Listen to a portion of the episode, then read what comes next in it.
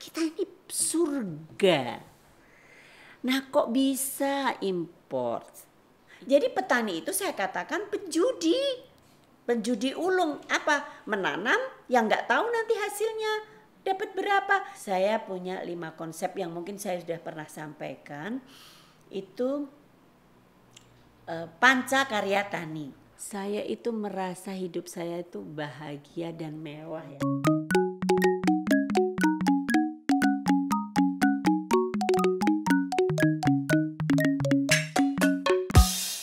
Assalamualaikum warahmatullahi wabarakatuh. Halo sahabat Tani, perkenalkan saya Feby Hastalavista Hadir menemani sahabat Tani untuk belajar bersama dan mencintai pertanian negeri ini Bersama pemilik kebun anggrek tajam dan caping merapi Yogyakarta kita sambut yang meriah Ibu Liling Watiasita. Halo Ibu Ita.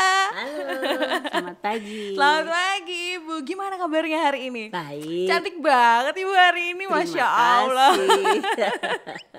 Mungkin sahabat tani nggak belum tahu nih kalau misalnya eh, kebun anggrek tajam dan caping merapi Yogyakarta tuh berada di mana sih Bu? Itu ada di Tajem. Wedo Martani, Ngemplak Sleman. Eh, dari Lotemat ke Iya. utara, kira-kira sekitar 2-3 kilometer. Wah tuh sahabat tani udah tahu. Kita pengen tahu juga nih Ibu, kalau misalnya kebun anggrek tajam dan caping merapi Yogyakarta itu, itu berdiri sejak tahun berapa sih Bu? Sebetulnya itu sudah 30 tahun yang lalu ya. 30 Ya, tapi karena dulu hanya spesial kebun anggrek, maka sejak 15 tahun yang lalu saya tambah dengan eh, apa namanya tanaman hias. Nah, baru tiga tahun yang lalu saya tambah lagi dengan eh, caping merapi yang mengkhususkan untuk sayuran organik. Eh, tapi konsepnya urban farming. Jadi bagaimana menginspirasi teman-teman yang tinggalnya di kota, yang mengatakan tidak punya lahan. Nah, nggak ada alasan untuk tidak bertani. Ih, sahabat tani nggak ada alasan lagi ya kan? Ya, Untuk tidak bertani itu program apa aja sih Bu yang ada di sana? eh, utamanya itu edukasi untuk bagaimana me- menyediakan makanan di rumah. Jadi eh, apa ya? Garden food. Oh, garden ya, food. jadi kita bisa menyediakan makanan di rumah, baik proteinnya, karbohidratnya maupun sayuran dan buah-buahan. Itu bisa Bu di rumah? Iya, dan itu bisa? 50 meter lahan Iya. itu sudah bisa. Jadi eh, kita bisa memelihara ayam Oke. yang sekarang itu ayam petelur Jawa itu mereka nyebutnya ayam petelurnya itu ayam Arab. itu tiap hari bisa bertelur dan itu seperti ayam kampung. gitu? Ya. Wah, Bibi baru tahu itu cukup dua. Cukup dua tiap hari bertelur kita kita tinggal panen. Nah, makanannya dari mana? Ya dari sayuran. Yang sayuran kan kalau kita panen nggak bisa kita makan semuanya. Itu sebagian kita kasih eh, apa namanya buat ayam. Nah, terus untuk pupuknya kita punya kelinci. Nah, air kelinci ini, eh, air kencingnya kelinci ini difermentasi untuk pupuk. Terus kita punya kolam yang mana itu bisa ada lele. Nah, di atasnya kita bisa tanam kangkung. Itu konsepnya namanya aquaponik. Aquaponik. Ya. Terus nanti di dindingnya kita bisa taruh pakai planter bag itu sayuran macam-macam yang kita mau. Tapi khususnya yang saya sarankan di sini adalah sayuran-sayuran yang bisa dimakan mentah. Jadi itu Oke. untuk salad Untuk salad. atau kalau yang masih suka makan mie bisa juga kita tanam caisim misalnya seperti itu. Nah, terus ada eh, buahnya itu yang untuk menyediakan karbohidrat mungkin bisa nanam pisang, menanam labu. Kita untuk karbohidrat nggak selalu harus padi yang nanti akan jadi beras. Tapi kita bisa kan makan pisang, makan labu, makan singkong dan labu itu bisa disimpan sampai berapa ta- eh, satu dua tahun. Satu dua tahun. Iya nggak akan busuk. Gimana Sep- cara nyimpan dulu? labu itu kan labu yang besar, Besar itu yang, yang- kuning. yang kuning yang kalau Halloween gitu ya? ya. itu kulitnya kan tebal. Iya, Iya. oke. Asal ditaruh di tempat yang kering, Oke. itu bisa jadi persediaan karbo kita dan itu bisa dipotong-potong, dikukus, kita makan sebagai pengganti nasi apalagi sekarang pada diet. Nah, itu kan rendah kalori. Rendah kalori, Ya. Jadi nggak perlu keluar rumah, mungkin kita beli garam aja. jadi keluar rumah nih sahabat tani kita beli garam Iya. aja gitu. Wow, jadi programnya luar biasa banget ya Bu sama Iya. menginspirasi banyak orang bahwa ternyata dari rumah pun kita bisa memenuhi kebutuhan. Karena kan biasanya kita pikirnya cukup sayur kali ya kayak Iya. kita nanam ca- hanya cabai, Iya. tomat ternyata semua Iya. bisa. Dan apalagi di musim corona ini kita kan nggak boleh keluar rumah. Eh benar. Ya, membatasi untuk keluar rumah. Kalau makanan itu sudah tersedia kan ngapain kita keluar itu satu. Yang kedua hemat. Hemat. Yang ke yang lebih bermanfaat lagi adalah bahagia karena kita mau makan tinggal panen. Makanan segar dan pasti organik. Karena kita merawat sendiri tahu bahwa karena itu mau dimakan kan kita nggak mungkin disemprot dengan pestisida, nggak mungkin pakai pupuk kimia. Nah di Caping Merapi kita menyediakan pupuk organik, lalu pestisidanya bagaimana supaya tidak dimakan binatang. Nah itu kita ada. Dan itu intinya adalah mengedukasi bagaimana teman-teman di luar sana mau makan sehat dan itu tersedia di rumah. Masya Allah. Ini tadi sempat kita ngebahas tentang corona. Berarti bagaimana sih Bu gitu ya kita menjalani hidup ini di masa pandemi ini biar tetap untuk stand and fight gitu? Iya. Ada nggak sih Bu tips atau cara-caranya gitu? Iya. Ada banget, Ada banget. dan itu sudah saya lakukan. Oh di Ibu lakukan dan berhasil Mas. Ini Iya. apa aja nih Bu? Sebetulnya untuk corona ini kan eh, mengingatkan kita, hey kembali ke rumah, gitu kan? Iya. Ya terus kita di rumah ngapain? Nah itu kita mulai menanam. Nah nanamnya kan nggak selalu harus sayuran, mungkin ada bunga, ada anggrek supaya kita senang di rumah, ya kan? Tapi yang lebih penting lagi adalah menjaga kesehatan. Nah tanaman-tanaman yang kita tanam itu tanaman yang ketika kita konsumsi membuat daya tahan tubuh kita menjadi kuat. Nah, itu apa? Ini katanya resep Jokowi, tapi sebetulnya saya sudah minum ini lebih dari dua tahun. Jadi eh, jahe Iya. itu cukup seperempat sendok teh. Itu kalau bubuk. Oke. Nah, tapi kalau kita segar bisa diiris-iris aja ya. Terus eh, temulawak itu cukup seperempat sendok teh. Terus diseduh pakai air panas, kasih jeruk nipis sama madu. Itu saya konsumsi setiap hari. Setiap hari nanam sendiri lagi ya juga Bu ya. Jadi Iya. kita tahu itu sehatnya Iya. udah 100% yakin Iya, gitu ya. Iya. Kalau misalnya mau di Caping Merapi mau beli bibitnya juga ada, benihnya juga ada dan bagaimana cara menanam juga nanti kita ajarkan. Wow, jadi ada ada ini ya Bu ya, maksudnya ada waktu, ada maksudnya kayak edukasi waktu materi tertentu untuk Iya. kita ke sana untuk membahas itu. Ya, ada. Oke. Itu nanti tanggal 28 sampai 2 gitu kita akan ada acara. 28 ini? Ya. Wah. Ya, itu kan ada long weekend ya? Iya. Ya. Tapi di samping itu setiap hari pun kalau misalnya ada yang mau tanya datang ke sana bisa. Bisa. Bisa. Wah. Anytime. Anytime.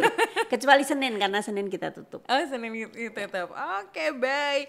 Tapi tantangan apa nih? Tantangan apa yang dialami Ibu untuk bisnis bidang pertanian di Sebetulnya tantangan itu kalau mau dipikir satu persatu banyak. Banyak banget. Tapi saya selalu tidak mau melihat tantangan itu menjadi hambatan. Jadi Oke. tantangan itu bagi saya adalah peluang termasuk corona ini. Ah, corona jualannya sepi. Bla bla bla bla. Kalau saya enggak, ini corona. Wis kalau corona ini orang pada ngapain ya? Oh pada di rumah, pengen makan sehat. Ya udah kita sediakin makanan sehat. Mereka nggak ke rumah ya kita online kan masakannya misalnya kan. Oh mereka pengen menghias rumah ya kita sediakan tanaman-tanaman yang mudah, yang murah, yang bisa dibeli oleh konsumen misalnya seperti itu. Jadi nggak ada masalah. Gak ada masalah, Iya. take it easy, no problemo sahabat Tani. Terus kalau prospeknya nih Bu, kalau misalnya buat sahabat Tani yang pengen banget eh, budidaya atau pengen banget berusaha di bidang pertanian tuh gimana sih Bu caranya? Caranya nomor satu senang dulu ya. Senang dulu. Nah itu kalau udah senang itu mau apa halangan apa pun pasti kita akan eh, hadapi ya. Hadapi. Kalau dia misalnya orang ini, oh saya takut ulat, saya jijik sama pupuk, sama media gitu kan, itu udah susah. Tapi kalau senang, nah sebetulnya apa pun bisa kita lakukan. Yang utama adalah mencoba. Sebetul apalagi sekarang dengan internet nanam cabe buka udah tahu bagaimana caranya. Jadi nggak ada masalah sebetulnya ya. Oke. Yang masalah adalah mau nggak menyediakan waktu untuk memulai menanam. Dan menanam itu candu loh, kecanduan loh kayak narkoba. Serius bu? iya. Coba kalau orang senang tanaman pasti rumahnya hijau seperti hutan. Karena walaupun dia udah punya tetap seneng kepengen kepengen kepengen beli lagi. Misalnya kalau beli ya. kalau kita punya ya pasti diperbanyak gitu kan. Jadi eh, nggak ada nggak ada masalah gitu. Ya Gak ada masalah sahabat tani. Kita udah ngomongin sedikit nih Bu tentang bisnis yang ada pertanian yang Ibu miliki. Sekarang kita mau bahas tentang eh, ini Bu, apa namanya? bunga-bunga tanaman hias yang Ya. ada di kebun anggrek Iya, Bajau. iya. Itu tuh tanaman hiasnya apa aja sih? Anggrek aja yang khusus? terutama anggrek. Oke. Nah, tapi kan anggrek itu juga jenisnya macam-macam. Eh, kalau yang bahasa di pasaran itu yang banyak itu anggrek bulan, itu Iya. Phalaenopsis ya. Nah, ini yang banyak orang nggak tahu. Phalaenopsis itu eh, dibesarkan di dataran rendah, dibungakan di dataran tinggi. Oh gitu. Ya, jadi kalau di pasaran selalu ada itu petaninya harus mempunyai dua lahan. Di dataran rendah mungkin di sini, Iya. di dataran tingginya di Kaliurang, ya. Tapi kalau orang Jogja, misalnya kalau di Jogja ini ada musim-musim ketika dingin gitu ya. Iya. Nah, itu bisa berbunga setahun sekali. Oh. Ya, tapi kalau itu ditaruh di Kaliurang, dia setiap tiga bulan sekali bisa berbunga. Oh mungkin ini juga ya jadi maksudnya orang bilang tanaman anggrek tuh susah karena Ah, memang karena pada salah milih. ya.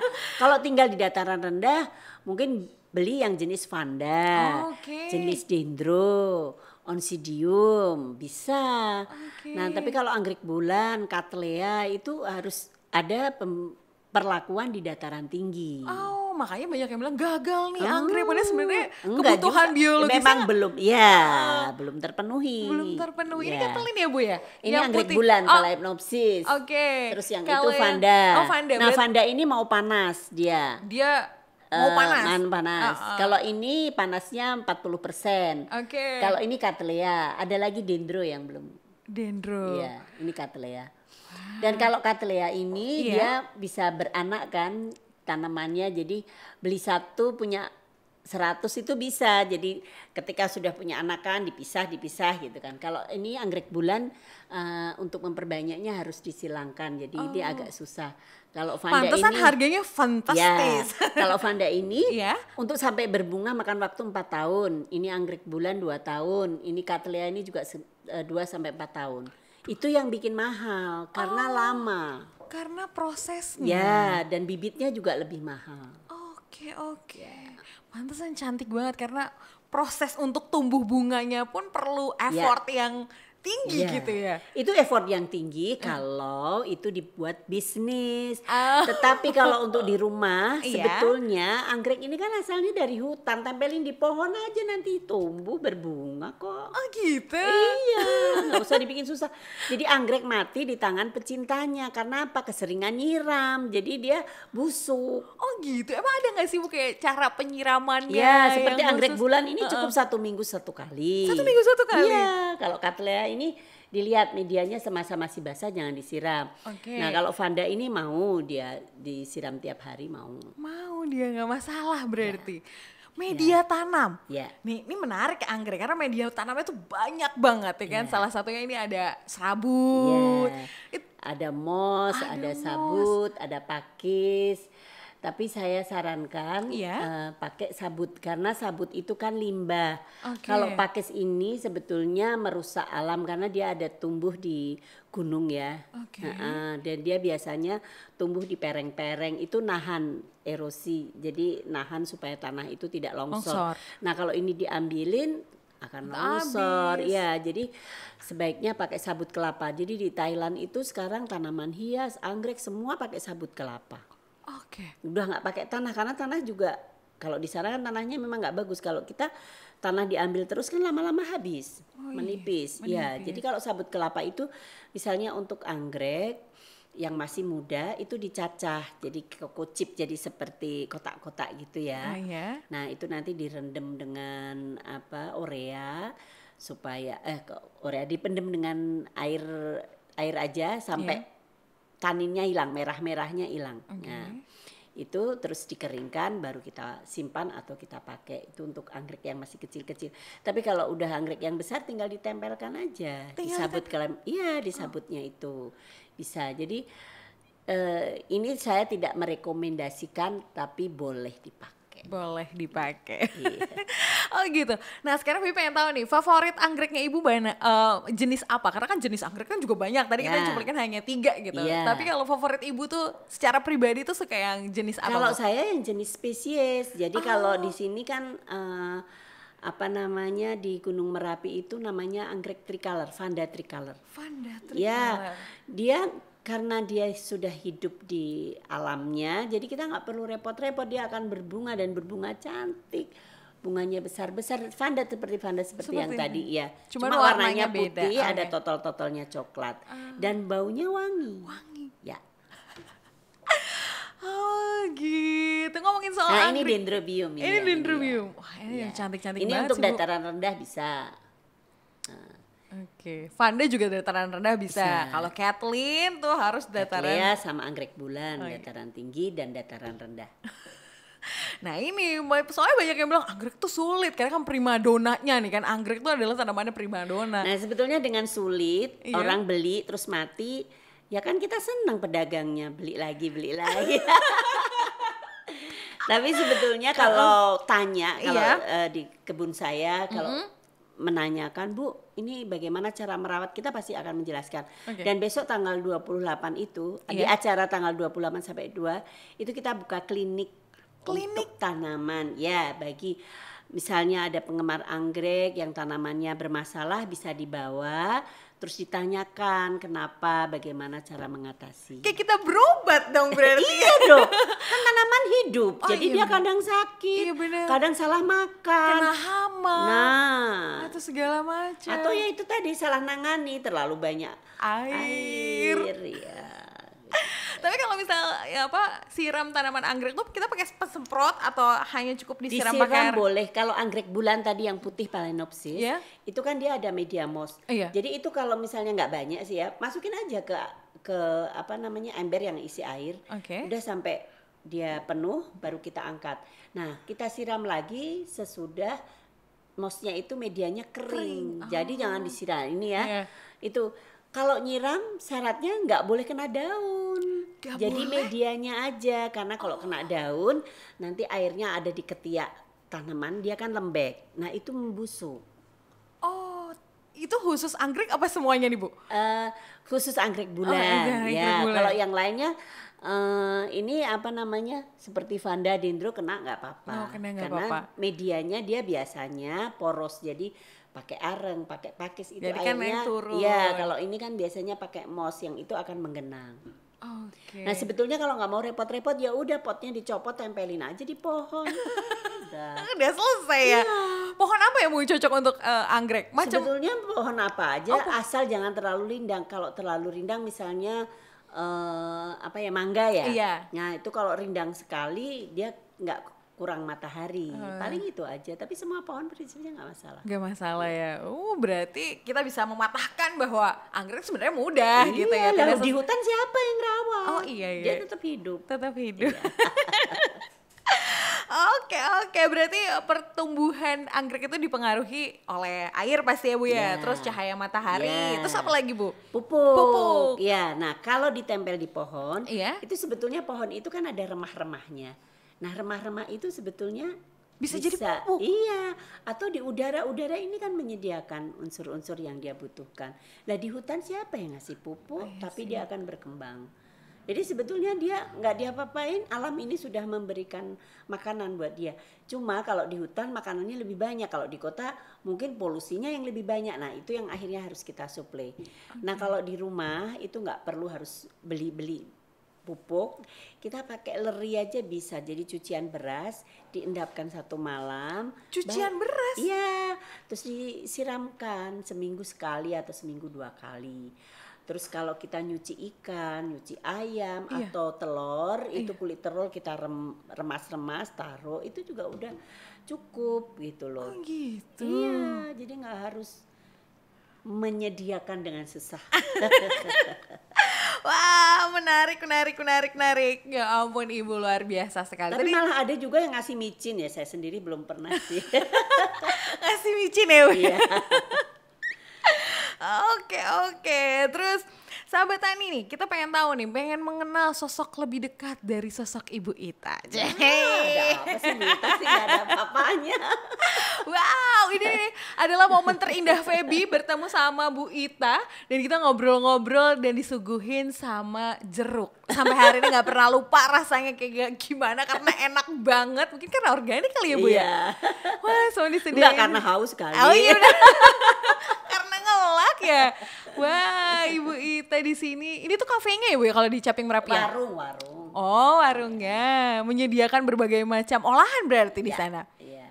Olahan dari hasil kebun. Hasil kebun yang di sana petik langsung Iya, langsung di iya, kita iya, disihidangkan di sana. Menunya apa aja sih? Boleh tahu gak sih kita? Sebetulnya kalau yang sekarang itu lebih ke apa namanya? eh, bakmi godok ya Oh, itu. iya.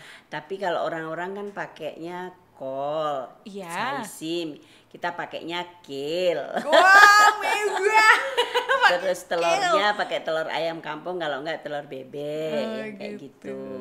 Kalau sayur lodeh ya sayur lodeh dari kebun. Pokoknya apa yang ada di kebun aja. Pokoknya apa yang ada di Iya. kebun ya? Wow. Nah ini, kalau ini sahabat ini juga harus tahu nih, ini Bu, Ibu Ita punya eh, anak-anak yang cantik-cantik. Yang satu kayaknya udah iya udah, itu udah cowok eh, suaminya juga cantik. rambutnya panjang ya Bu ya. Cucu saya juga cantik itu cowok tapi rambutnya panjang juga. Oh. Wow, ini di mana Bu pada saat itu? Ini kita lagi di Solo kebetulan ada teman yang menikah terus eh, menikahkan eh teman yang menikah terus kita hadir gitu. Wow. Sekalian bikin foto keluarga. Gak heran kalau Bu Ita anak-anaknya cantik, Bu Ita juga cantik banget Oh. ini. Wah, berarti dua-duanya sudah menikah ibu anaknya? Enggak, yang nomor dua belum. Oh, yang juga belum. Wah, sahabatannya langsung keker-keker dan teman-teman yang sini langsung dikeker-keker. oh, gitu. Wow. Ibu tuh kalau misalnya hari-hari tuh selain di Caping Merapi disebutkan oleh Taman Anggrek eh, Tajam, daily activity-nya ibu. Sebetulnya kalau ditanya aktivitasnya hampir 80% di kebun ya. Hmm. Oke. Makanya saya sekarang hitam banget nih. Jadi pagi saya selalu memulai dengan jam 4 pagi. Jam 4 ya kan? pagi? Heeh, biasa kita sembahyang jam 5 pokoknya udah kelihatan ada matahari saya keluar nomor satu keliling kebun. Wow. Tapi kok ibu ini sih bu maksudnya kalau ada yang datang sharing itu kok di eh, maksudnya ibu mau untuk share ilmu yang ibu punya. Sebetulnya ilmu itu kan saya dapat dari teman-teman juga ya. Oke. Itu saya pungut dari jalanan karena memang saya kuliahnya dari ekonomi dan perbankan, bukan Oke. dari ekonomi. Lalu saya juga bukan keturunan eh, pengusaha.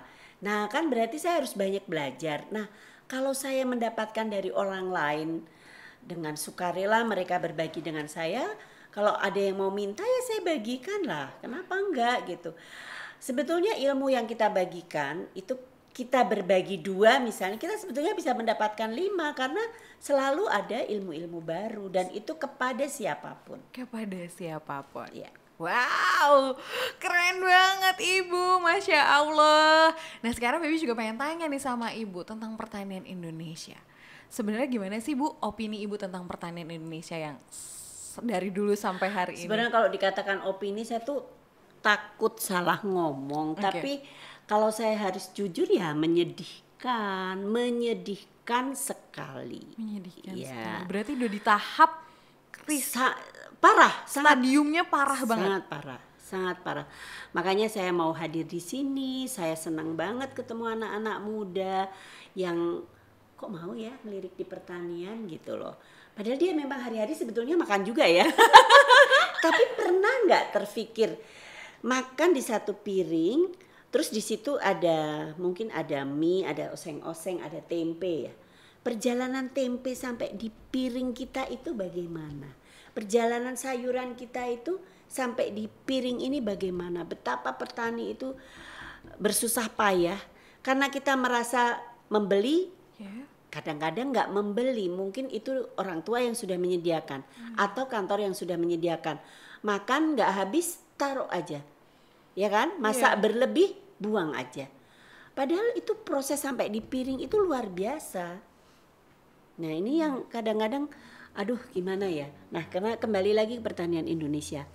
Mungkin kalau mau buka bagaimana import kita yang katanya negara agraris, terus tanahnya subur, ada dataran tinggi, dataran rendah, matahari 360 ha, ya, Iya. ha- ada matahari. Sementara di negara lain ada musim dingin, ada nggak ada matahari, ada yang nggak punya air, ada yang hanya tinggi dataran tinggi saja. Kita ini surga. Nah kok bisa import? Ya kan bawang putih dulu kita punya sekarang hampir 100% impor. Buah-buahan, buah-buahan lokalnya mana? Kita punya kepel ya. Pernah makan kepel? Belum pernah. Kayak Bahkan cepluan, cepluan kita malah mendatangkan. Padahal itu cepluan tumbuh di Nah, cuma itu harus dimuliakan. Artinya apa? Tanaman-tanaman yang asli itu kan biasanya kecil-kecil, ah, rasanya asam. Jadi bagaimana bisa lebih besar, bagaimana bisa manis. Nah, ini kan dari Thailand ini lebih gigih untuk eh, melakukan pemuliaan sementara kita hanya menikmati hasilnya saja. Tapi saya lihat teman-teman sekarang sudah mulai ada beberapa yang cinta mau mengumpulkan hasil-hasil apa namanya eh, bibit-bibit lokal yang mungkin mau dikembangkan. Jadi kalau petani kita bagaimana itu terutama saya kalau pergi selalu lihat pasar ke, ke daerah lain Oh, saya iya. lihat pasar. Itu yang namanya sayuran-sayuran nenek moyang kita sudah nggak ada di di pasaran. Yang ada semua standar kol, brokoli, yang sebetulnya itu bukan bukan asli Indonesia.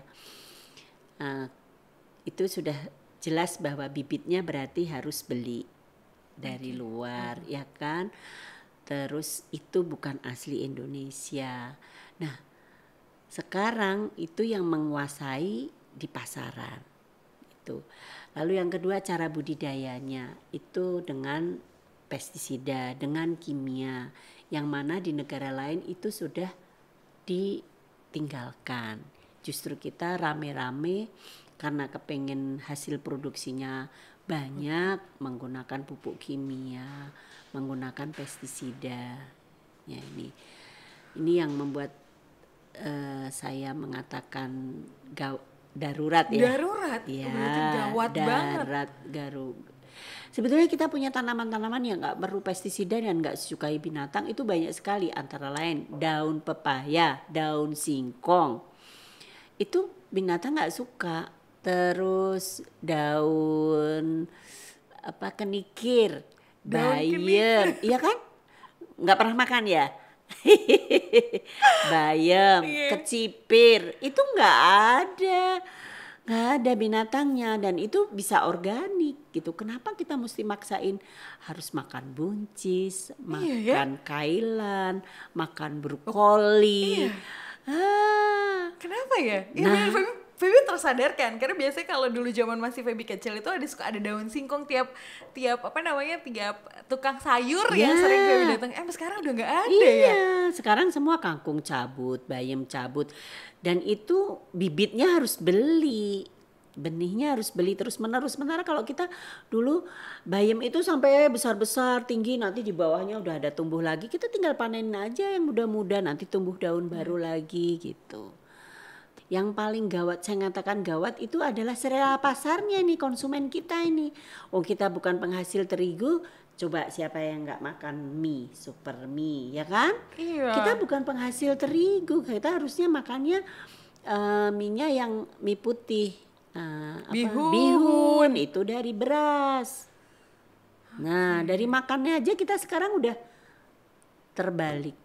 Sayur yang disukai sudah terbalik. Nah, akhirnya apa? Semua impor. Akhirnya bagaimana kehidupan petani? Petaninya jadi miskin karena hasil taninya tidak ada yang membeli. Nggak ada yang membeli ya. Ya. Coba datang ke satu acara pernikahan. Oh, iya. Nah, ini kan kebetulan di sini juga IO-IO ya. Berapa persen hidangan itu berbentuk sayuran? Pasti cuma ada salad, Capcay? capcay, mungkin ada gado-gado Iya. itu. Sudah, Sudah- yang sudah. lainnya ayam, ikan, Iya. ya kan? itu semua protein, semua lauk. Lah kalau di pesta aja, di pesta, di hotel, di restoran, lebih banyak protein daripada sayuran. Lah terus sayurnya petani itu ke mana? Sementara orang-orang yang mau sehat termasuk Uges, makanlah sayuran, makanlah buah-buahan. Iya, makan raw apa makan Raw food. Raw food. Nah, sekarang ke mana? Nah ini juga sementara per- petani kita nanam berhektar-hektar, saya juga bingung. Aduh, akhirnya jadi apa? Jadi sampah.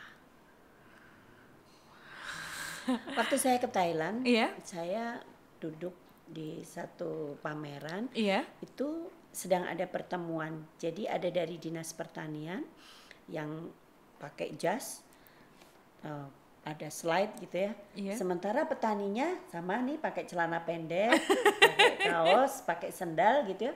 Semua duduk di tempat yang terhormat gitu. Dia presentasi.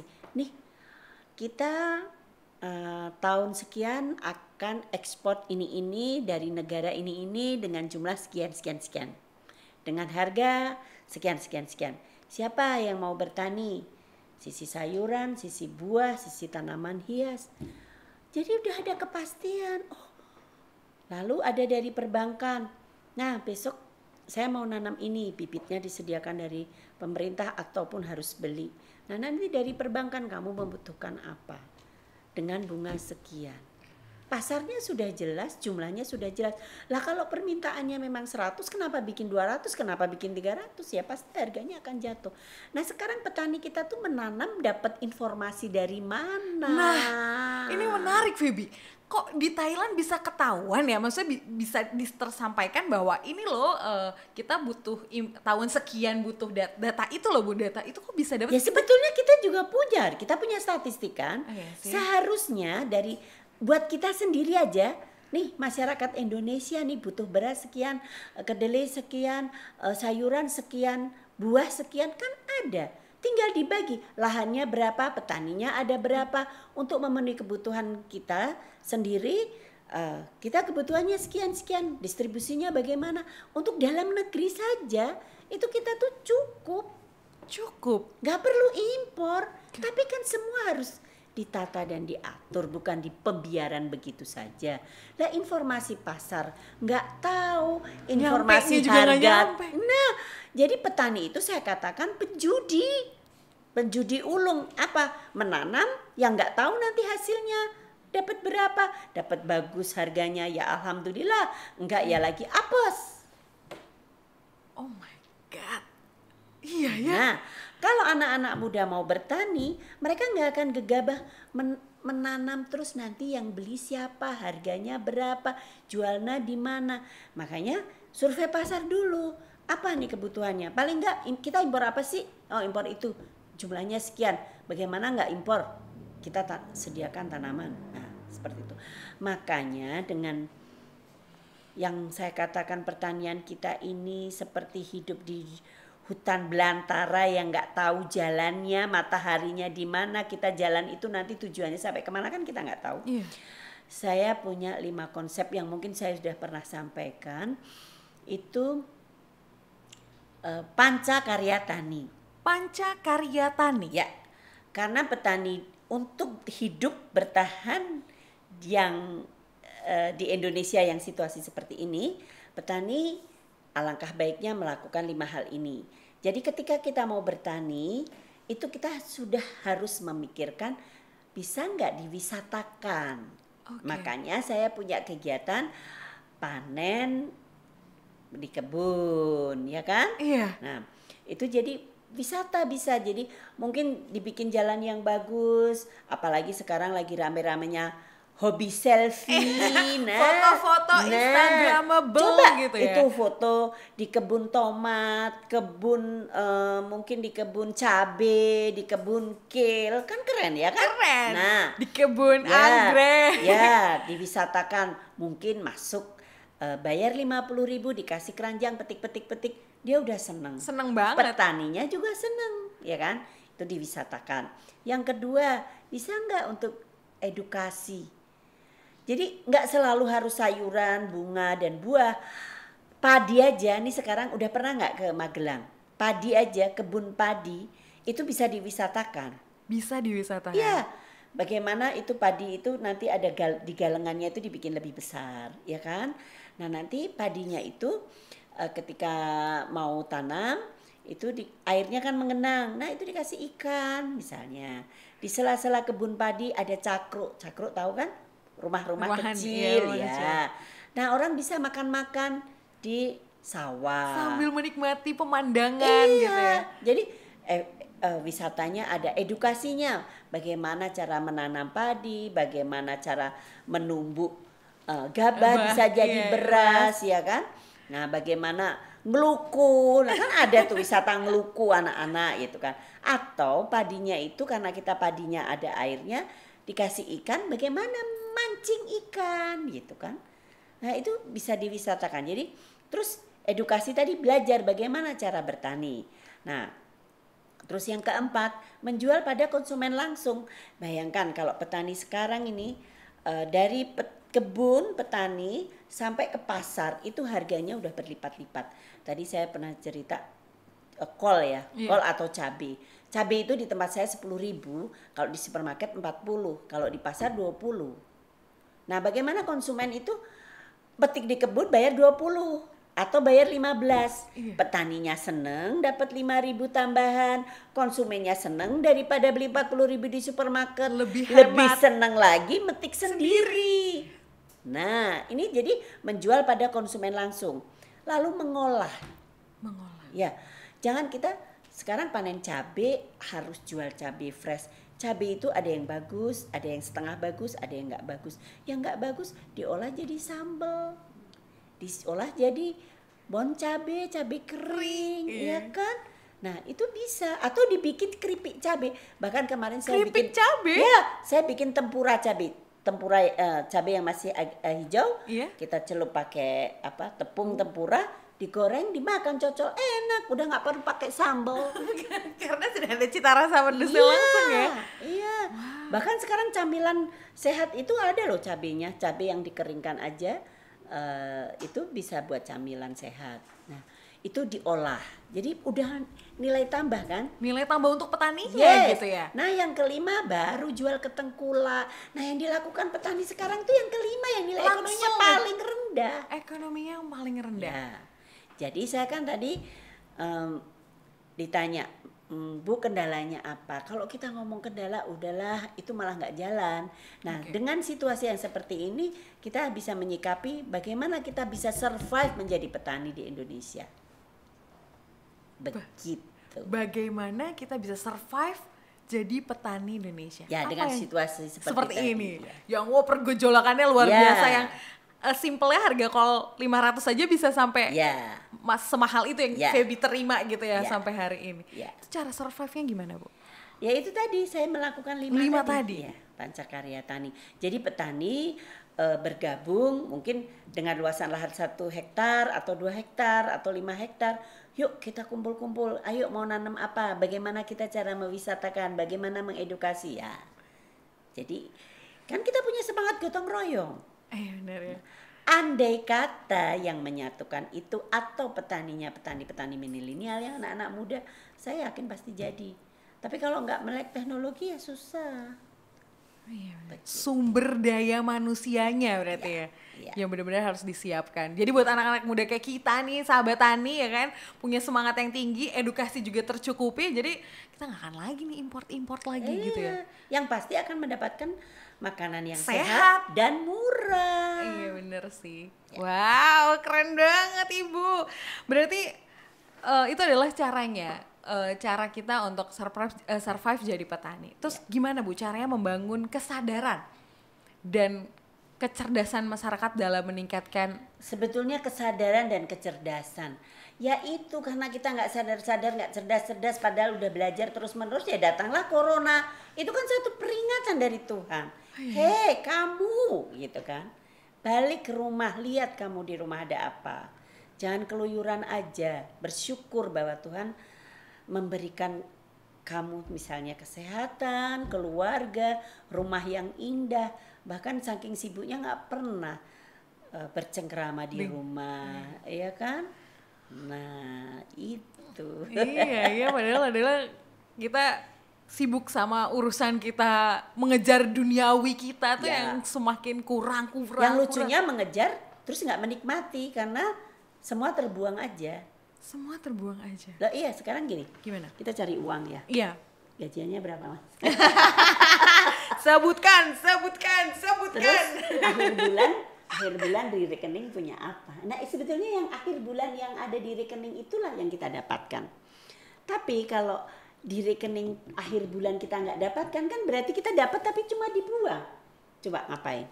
Misalnya ke kantor, Iya. mesti beli lipstik, baju, transport, ya kan? Iya. Ngafe. Terus beli mobil, beli motor, kredit semua. Ah, uangnya hilang semua kan? Iya. Nggak parkir. Tadi saya dalam perjalanan cerita, saya itu merasa hidup saya itu bahagia dan mewah ya, mewah. Mewah bagi saya adalah ketika mau makan tinggal petik, ya kan? Iya. Mau ikan tinggal ambil di kolam, mau telur tinggal ambil di kandang. Terus saya masak, nah salad, telurnya dibikin daripada di hotel kan mahal ya. Dan itu enak lagi ya. Iya. Terus kita makan di halaman di belakang rumah sambil lihat itu di tempat saya itu burungnya bagus-bagus. Burung, kupu-kupu, suara ayam, suara ikan, eh suara binatang-binatang yang lain. Itu saat menurut saya ya itu satu kemewahan yang luar biasa bagi saya. Dan saya tinggal di dataran tinggi berarti saya nggak perlu AC. Ya semua ada di depan rumah. Ngapain nggak perlu kredit mobil, nggak perlu ngafe, semua ada di rumah. Itu kan satu kemewahan. Mungkin bule-bule sana juga nggak bisa begitu. Kita masih punya tanah. Saya tuh he- waktu udah ke Singapura tuh saya baru merasa aku tuh lebih kaya ya dari mereka. Saya punya halaman, bisa nanam apa-apa, ya kan? Di sana apartemen nggak punya halaman, kasihan loh hidupnya. Tapi kadang-kadang kita kalau nggak keluar baru kita nggak sadar bahwa kita tuh sebetulnya diberkahi sama Tuhan sesuatu yang luar biasa. Makanya ada salah satu lagu tuh kita nanam apa aja lempar aja bisa tumbuh Iya, gitu. Iya. Dan itu salah satu saran dari teman saya. Kalau punya biji kita nanam apa eh kita makan apa aja ada bijinya bawa di kantong sampai di rumah atau di jalan lihat lahan-lahan yang kosong dilempar aja. Dilempar aja. Iya, supaya akan tumbuh di mana-mana. Ya. Parkir tadi tuh. Berarti kita mengejar, pokoknya harus eh, duniawi kita kejar, tapi ternyata kita tanpa kita sadari kita tidak menikmatinya ya. Nah, Sampai uang akhir bulan kita nih parkir ke mana gitu. nah, berarti kita mencarikan orang lain kan? Kok mau ya? Iya ya, ya ampun. Astagfirullahaladzim. Aduh. Tapi kalau ngomongin, akhirnya kita udah sadar nih, pandemi ini adalah cambukan yang luar biasa dari Tuhan mengingatkan kita untuk yuk kita balik lagi, ya Ya, kan? ya. Ke pertanian kita, Ya. ke laut kita yang Ya. sangat luas, Ya. segala macam itu kita balik lagi nih ke rumah kita. Berarti ada dong Bu, secercah harapan untuk pertanian Indonesia. Oh, selalu, bukan secercah lagi. Harapannya luar biasa, ada. Nah, cuma mau apa enggak? Jangan mengeluh, hambatan itu selalu ada ya. Tadi misalnya dari sisi eh, kar- eh, apa namanya? protein. Telur. Oke. Ya, kita telur pakai telur ayam negeri ya, yang telur-telur. Kita punya ayam telur ayam kampung, kita punya telur bebek, ya kan? Nah, coba itu. Terus yang kedua mm, apa namanya? Sa- eh, daging. Coba kita masih impor Iya. karena sapinya aja sekarang sapi limusin, sapi simental, padahal kita punya sapi Bali, Sapi Madura. Ya. Coba susunya kita juga bisa proteinnya ya kan. Jadi apa? Masalahnya tuh mau apa enggak? Jangan mengeluh. Yang penting action. Terus gini, corona ini saat kita untuk melakukan restart ya. Kalau Kalau di komputer, tuh ya di restart. dipateni tuh mas, dibuka lagi. Coba pernah nggak berpikir umurku piro ya? Aku udah ngapain ya? Dapat apa ya? Kadang-kadang kita hidup tuh nggak eh, lupa kalau kita tuh seperti robot toh. Pagi tangi neng kantor engko mulai mana wis gitu aja. Tanpa kita berpikir apa sih yang udah kita capai? Apa sih yang mau kita capai? Apa sih yang sudah kita perbuat? Prestasi apa sih yang sudah kita perbuat untuk orang tua untuk keluarga untuk untuk masyarakat? Itu kan eh, harus kita apa namanya kita evaluasi. Tapi yang paling penting kalau saya setiap mau tidur bangun tidur saya selalu bersyukur bersyukur pada Tuhan. Ya Allah saya masih diberi kesehatan. Ya Allah saya masih bisa diberi ke, eh, keberkahan. Yang kadang-kadang orang tua adanya cuma ngeluh-ngeluh-ngeluh. Padahal berkahnya itu luar biasa. Alat tubuh kita ini udah lengkap aja udah luar biasa. Coba lihat yang lain yang nggak lengkap. Ya kan? Nah baru corona corona apa gitu loh. Kok kita sudah mengeluh dan mengkambing hitamkan corona? Corona ini kan satu peringatan. Kalau kita tahu peringatan itu itu menjadikan satu berkah untuk kita berubah menyikapi hidup dengan cara yang lain jangan seperti yang kemarin gitu kenapa kok berkaca-kaca sayangku Oh, ibu mah. Oke, oke. Oke. apa yang membuat dirimu berkaca-kaca Kadang lupa bersyukur. ah Kita eh, apa ya? Kadang pas kita tidur, kita bangun, kita kayak ya lupa aja gitu kalau apa yang kita Nah, dapetin gitu. semua itu dari makanan. Saya saya baru sadar. Ternyata makanan yang kita makan itu kalau sehat, baik, itu hati dan otak kita akan menjadi lebih baik. Kita mau berbuat jahat itu susah, nggak bisa dan nggak terfikirkan. dan tidak terfikirkan. Iya, jadi kalau kita menikmati sesuatu yang sehat, yang berkah, itu nggak ada lain selain syukur, syukur dan syukur. Dan itu nikmatnya luar biasa. Saya tuh nggak pernah merasa cantik, tapi ada aja yang bilang, ibu cantik. Aku bilang, cantik sekondi, saya rambutnya wis putih ini kayak awak ireng gitu. Saya nggak tahu, tapi itu mungkin. Ini hanya mungkin ya. Karena saya memang merasa bahagia, saya merasa tercukupi semuanya. Jadi apalagi gitu, berkahnya itu luar biasa. Oke, baik Ibu Ita. Ini dari sisi kita nih Bu, kita harus lebih sadar, lebih cerdas, lebih bersyukur, lebih me- mengkonsumsi makanan sehat karena mempengaruhi otak dan hati kita. Ya. Berarti semakin banyak hati yang jahat, apa yang kita makan tuh harus kita evaluasi berarti. Yes, saya tuh sampai kepingin loh anggota DPR itu ya Iya, Bu. dikasih tiap hari salad yang organik, susu yang organik. Uh, biar tahu rasanya tuh enak Iya, banget. biar ya. sadar dan berbuat baik untuk Oh, rakyat. betul gitu ya itu tapi benar ya bisa harus dievaluasi makan kita tuh apa karena hati Iya. kita kalau berbuat jahat sama orang kan berarti ada yang salah dari apa yang kita makan ternyata Ya. wow tadi udah dari sisi kitanya nih bu dari sisi kitanya untuk bertahan sebagai petani untuk survive gimana caranya tempat dibikin wisata edukasi kita jual ke konsumen langsung kita olah kita yang paling terakhir ada jual ke Tengkulak. tengkulak gitu yang yang eh, margin Kalau masih ma- ada sisanya. kalau masih ada sisanya gitu. Nah kalau dari sisi pemerintah ini harusnya seperti apa nih untuk kita udah kritis nih masa diem aja ini kayaknya hare-hare kalau bahasa Sunda itu hare-hare santai banget gitu. Itu ini apa yang Sekarang harus begini ya, pemerintah itu mikirin diri sendirinya aja udah repot. Ngapain kita ngarepin pemerintah mikirin kita? Udah kita mikirin diri kita aja. Oh, iya. Gitu, kita bersatu aja memikirkan bagaimana yuk kita bertani, bagaimana yuk kita berbagi gitu. Nah, pemerintah biar ngurusin dirinya sendiri aja. Kalau kita berharap itu nanti malah nggak baik. Jadi malah kecewa gitu. Ya, mendingan kita melakukan sesuatu dan berbagi. Ya kalau perlu berbagilah sama pemerintah, ya kan? Berbagi informasi, Oh, iya, berbagi makanan sehat, ya kan? Biar hati dan pikirannya sehat gitu ya. Iya.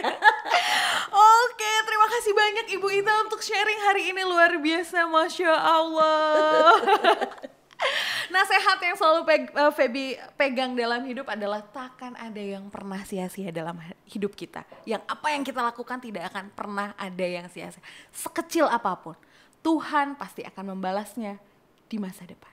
Terima kasih, Feby pamit. Wassalamualaikum warahmatullahi wabarakatuh. Waalaikumsalam warahmatullahi wabarakatuh.